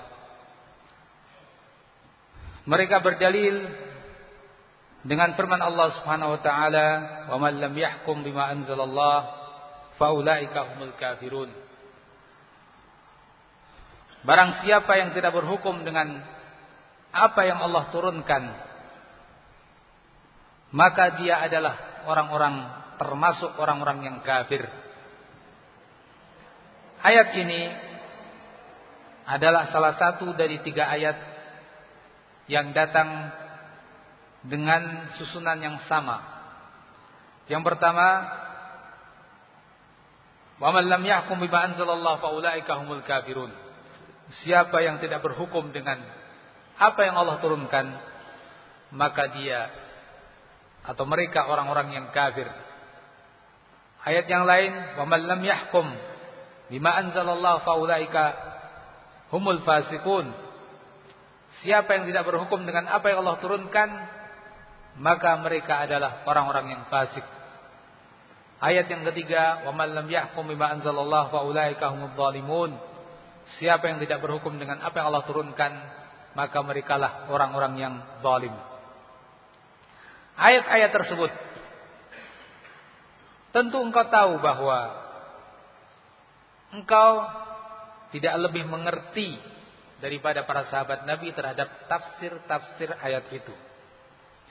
Para sahabat adalah orang-orang yang Al-Quran turun pada mereka. Para sahabat mereka hidup bersama Rasulullah Sallallahu Alaihi Wasallam. Para sahabat begitu mengerti apa maksud dari ayat-ayat itu.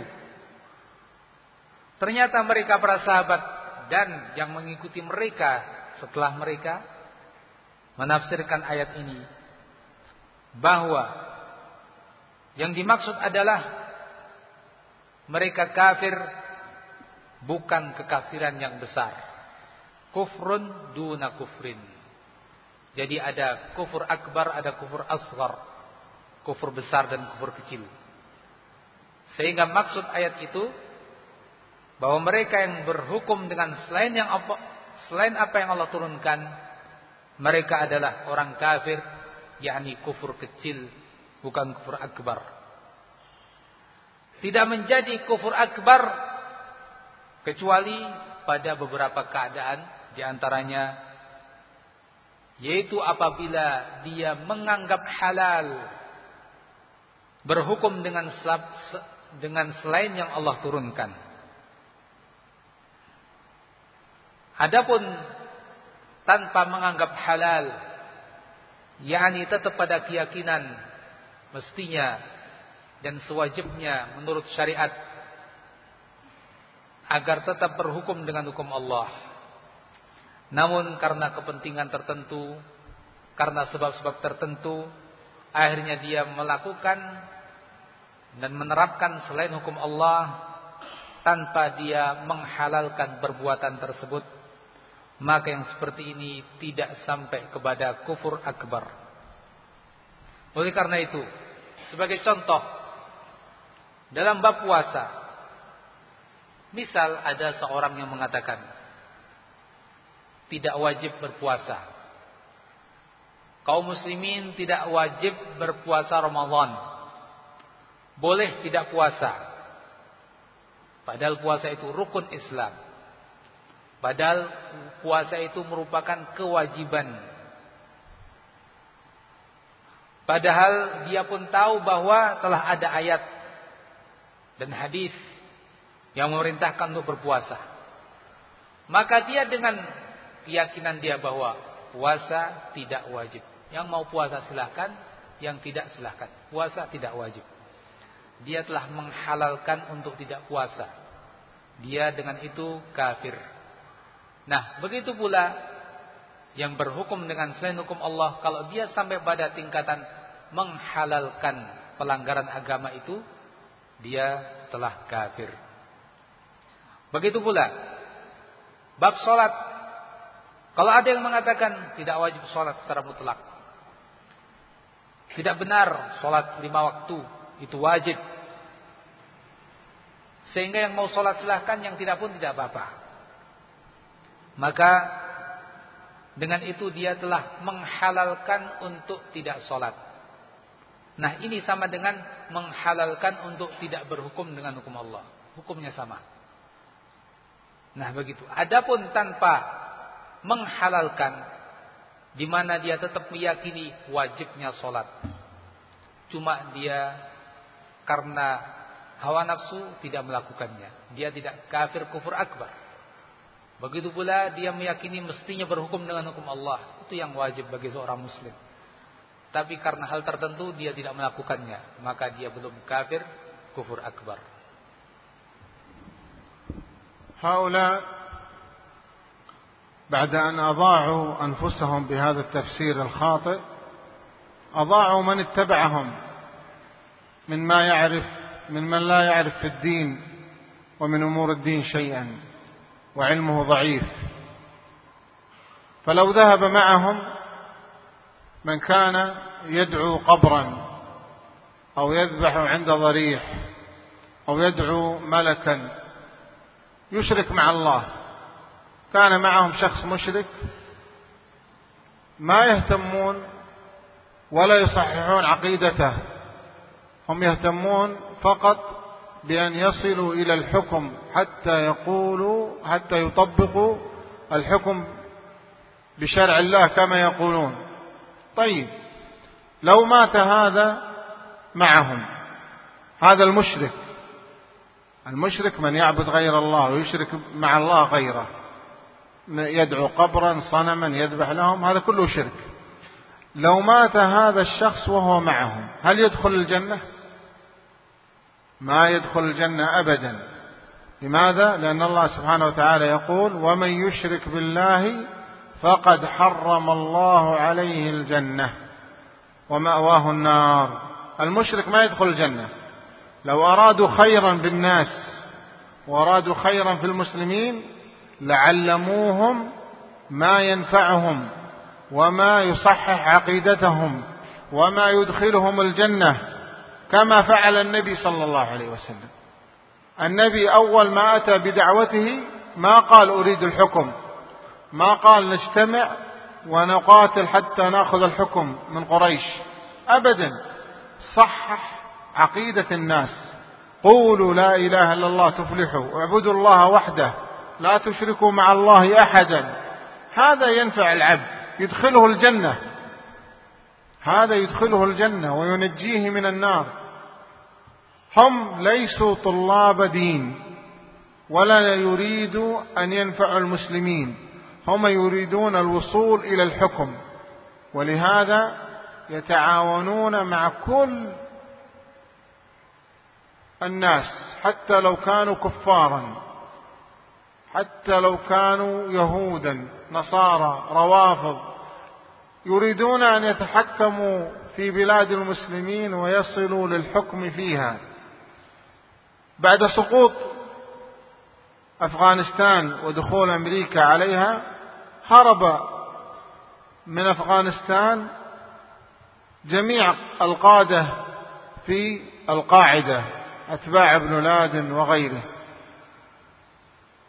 أين ذهبوا؟ ذهبوا إلى إيران دولة الرفض ودولة الشرك. هؤلاء الذين يكفرون الصحابة ويسبون أمهات المسلمين ذهبوا عندهم واحتموا بهم ثم أخرجوهم إلى سوريا لما صارت الحرب في سوريا ليفسدوا في الأرض. لو كانوا يريدون الإصلاح حقا لأصلحوا أنفسهم بالعلم ومعرفة الحق ومعرفة الطريق الذي يوصل إلى الجنة وعلموه للناس. كما فعل النبي صلى الله عليه وسلم. النبي دعا ثلاث عشر سنة في مكة. لم يرفع سيفا ولم يقتل أحدا ولم يقدر بأحد.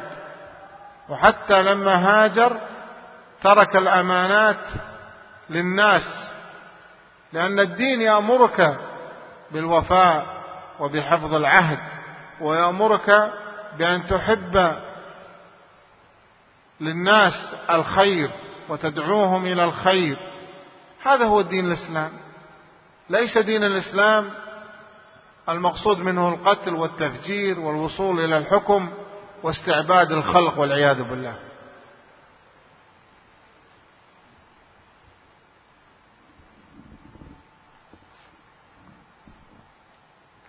Mereka itu setelah menyia-nyiakan diri mereka dalam penafsiran yang salah dan menyimpang. Kemudian mereka pun mengajak orang-orang yang mengikuti mereka dalam penafsiran yang menyimpang tersebut dari orang-orang yang tidak memahami betul agama Islam ini. Pernah terjadi ada seseorang yang masih kental dengan kesyirikan gabung dengan mereka. Masih ibadah kepada kuburan, masih berbuat syirik, ikut gabung dengan mereka. Dalam kondisi mereka atau dia seperti itu. Ternyata dia tidak diperbaiki akidahnya. Dia tidak berbaiki Islamnya bahkan tetap pada kondisi seperti itu. Karena tujuan mereka yang paling utama adalah bagaimana menguasai, bagaimana sampai pada tingkatan para pemimpin. Baiklah kalau memang seperti itu. Seandainya orang tadi yang ikut bersama mereka yang masih berbuat syirik, ternyata di tengah perjuangan mereka dia mati Apakah dia akan masuk ke surga? Tentu jawabnya tidak. Tidak mungkin. Karena Allah Azza wa Jalla berfirman, "Wa may yusyrik billah faqad harramallahu 'alaihi jannah." Siapa yang berbuat syirik kepada Allah, Allah Azza wa Jalla mengharamkan baginya surga. Seandainya mereka betul-betul berkeinginan baik bagi muslimin, tentu mereka akan mengajari terlebih dahulu bagaimana bertauhid, bagaimana akidah yang benar, bagaimana pemahaman yang benar. Sehingga mereka bisa masuk ke dalam surga dengan keyakinan yang benar itu. Seperti yang dilakukan Rasulullah sallallahu alaihi wasallam. Nabi sallallahu alaihi wasallam di awal dakwah beliau. Nabi sallallahu alaihi wasallam mengajak orang-orang Quraisy untuk bertauhid. Tidak kemudian tiba-tiba langsung Nabi ingin berkuasa. Karena Nabi Shallallahu Alaihi Wasallam dulu pernah ditawari untuk menjadi pemimpin dan Nabi menolak. Menunjukkan bahwa Nabi Shallallahu Alaihi Wasallam betul-betul ingin mengajak manusia kepada tauhid dan membenarkan akidah. Melarang daripada perbuatan syirik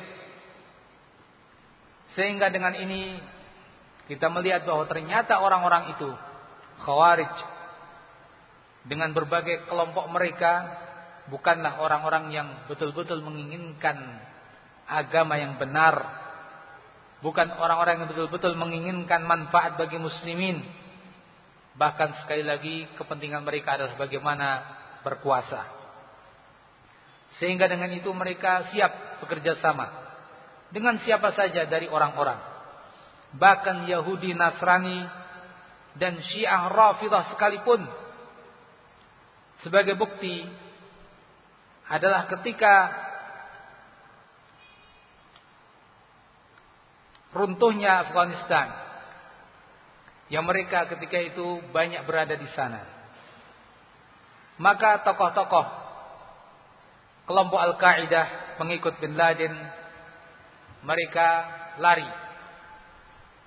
Ke mana perginya mereka? Ternyata perginya mereka ke Iran.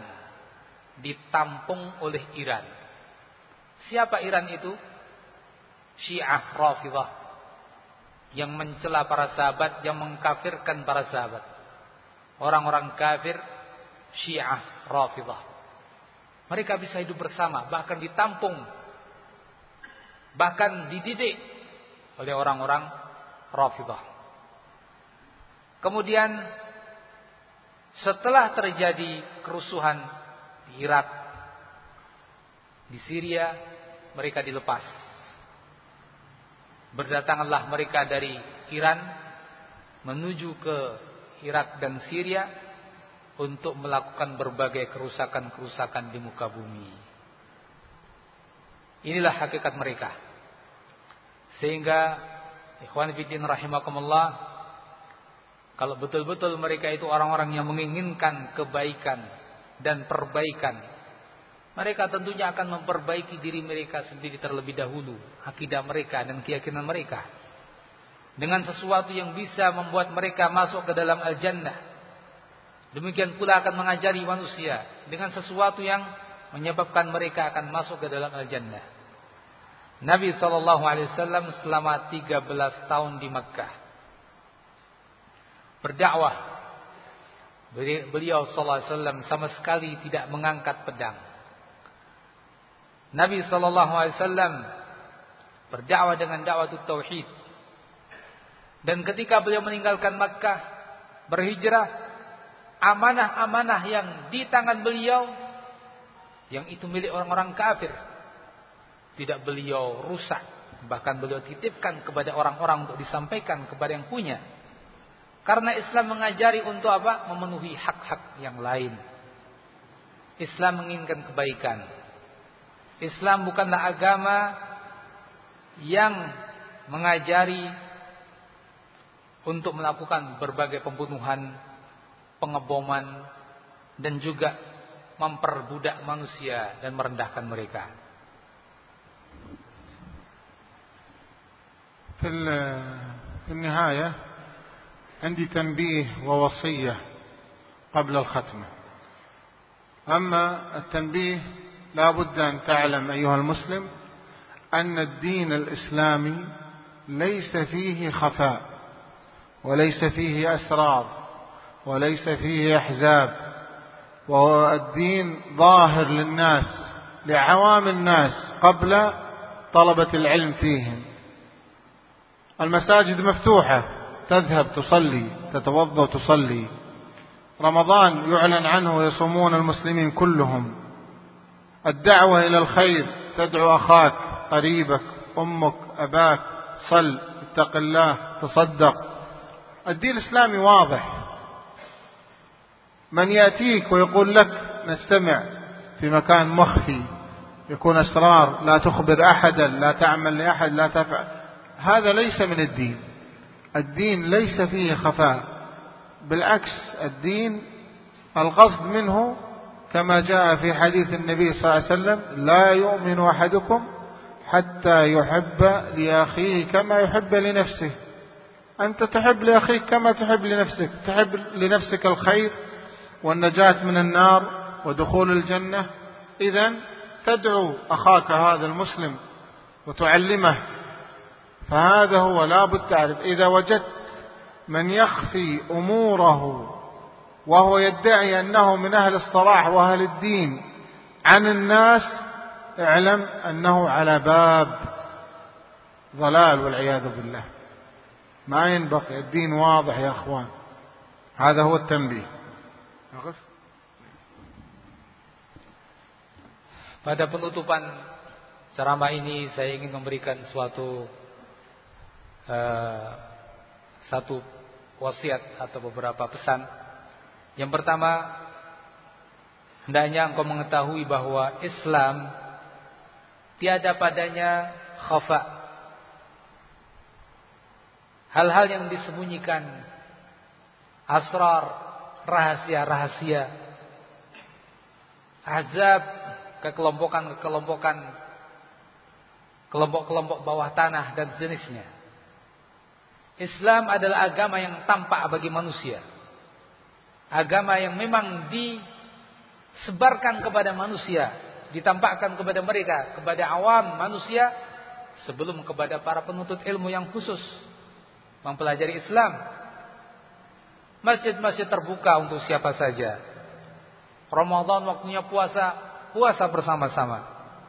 Ajakan kepada baik kebaikan untuk semuanya. Ajak ayahmu, ajak ibumu, ajak kerabat yang lain. Ajak mereka untuk bersedekah, untuk sholat. Islam agama yang jelas, transparan, terbuka. Sehingga kalau ada orang yang mengatakan kepadamu, ayo kita kumpul tersembunyi. Kita melakukan suatu acara tersembunyi Kemudian di situ dia mengatakan kamu mesti begini, kamu mesti begitu. Ketahuilah ini bukan dari ajaran Islam. Justru sebaliknya. Nabi mengatakan la yu'minu ahadukum hatta yuhibba li akhihi ma yuhibbu li nafsi. Seseorang di antara kalian tidak dikatakan beriman sehingga mencintai apa yang untuk saudaranya seperti yang dia cintai apa yang untuk dirinya. Artinya jika kamu ingin kebaikan, lakukan hal itu untuk yang lain. Sehingga tidak ada yang sifatnya tersembunyi karena ini untuk kita dan untuk yang lain semuanya. Ya. Ajak kepada kebaikan semua manusia. Sekali lagi kalau ada yang mengatakan kepadamu seorang yang berpenampilan sebagai seorang yang agamis kemudian mengajak ke tempat-tempat atau kumpul perkumpulan yang tersembunyi maka ketahuilah ini tanda bahwa dia dalam kesesatan, tidak sesuai dengan ajaran Islam. أما الوصية يا أخوان الوصية هذه مهمة جدا وفيها النجاة إن شاء الله سبحانه وتعالى يقول الله سبحانه وتعالى وعد الله الذين آمنوا منكم وعملوا الصالحات ليستخلفنهم في الأرض كما استخلف الذين من قبلهم وليمكنن لهم دينهم الذي ارتضى لهم وليبدلنهم من بعد خوفهم أمنا. يعبدونني لا يشركون بي شيئا ومن كفر بعد ذلك فأولئك هم الفاسقون. هذه الآية إذا عملنا بها أبدلنا الله سبحانه وتعالى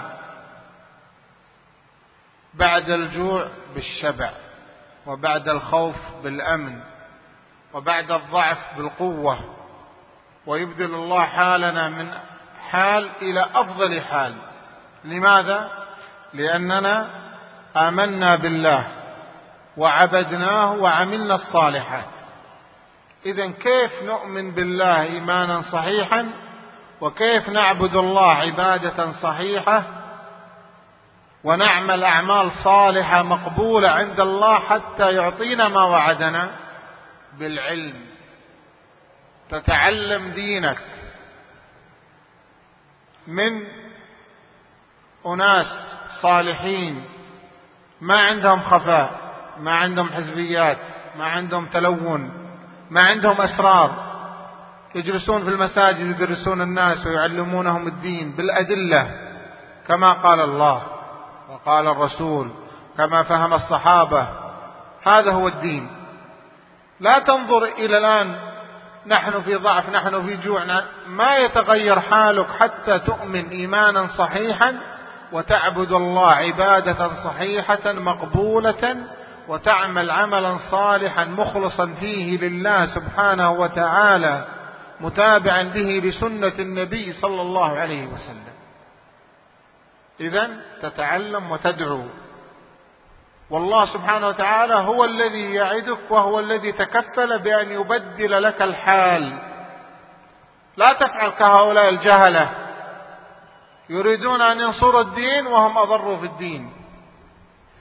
لا علم لا فهم لا فقه أضلوا وأضلوا وأفسدوا. وارتكبوا المحرمات من جهلهم. إذا لا ينجيك بعد رحمة الله سبحانه وتعالى إلا طلبك للعلم والعمل به وتعليمه لأهل بيتك لأختك لزوجتك لأولادك. تبدأ بالأقربين سوف يبدل الله حالنا من حال إلى أفضل حال كما وعدنا الله سبحانه وتعالى.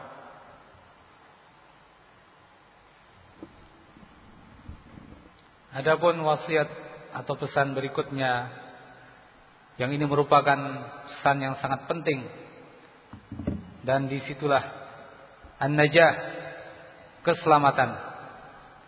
Yaitu apa yang dipesankan oleh Allah Azza wa Jalla dalam firman Allah Subhanahu wa taala Subhanahu wa taala pada surat An-Nur ayat yang ke-55 wa'adallahu alladhina amanu wa 'amilus salihat Allah Subhanahu wa taala menjanjikan orang-orang yang beriman di antara kalian dan beramal saleh la yastakhlifannahum fil ardi kama istakhlafal ladzina min qablihim untuk menjadikan mereka para khalifah di muka bumi sebagaimana orang-orang yang sebelum mereka.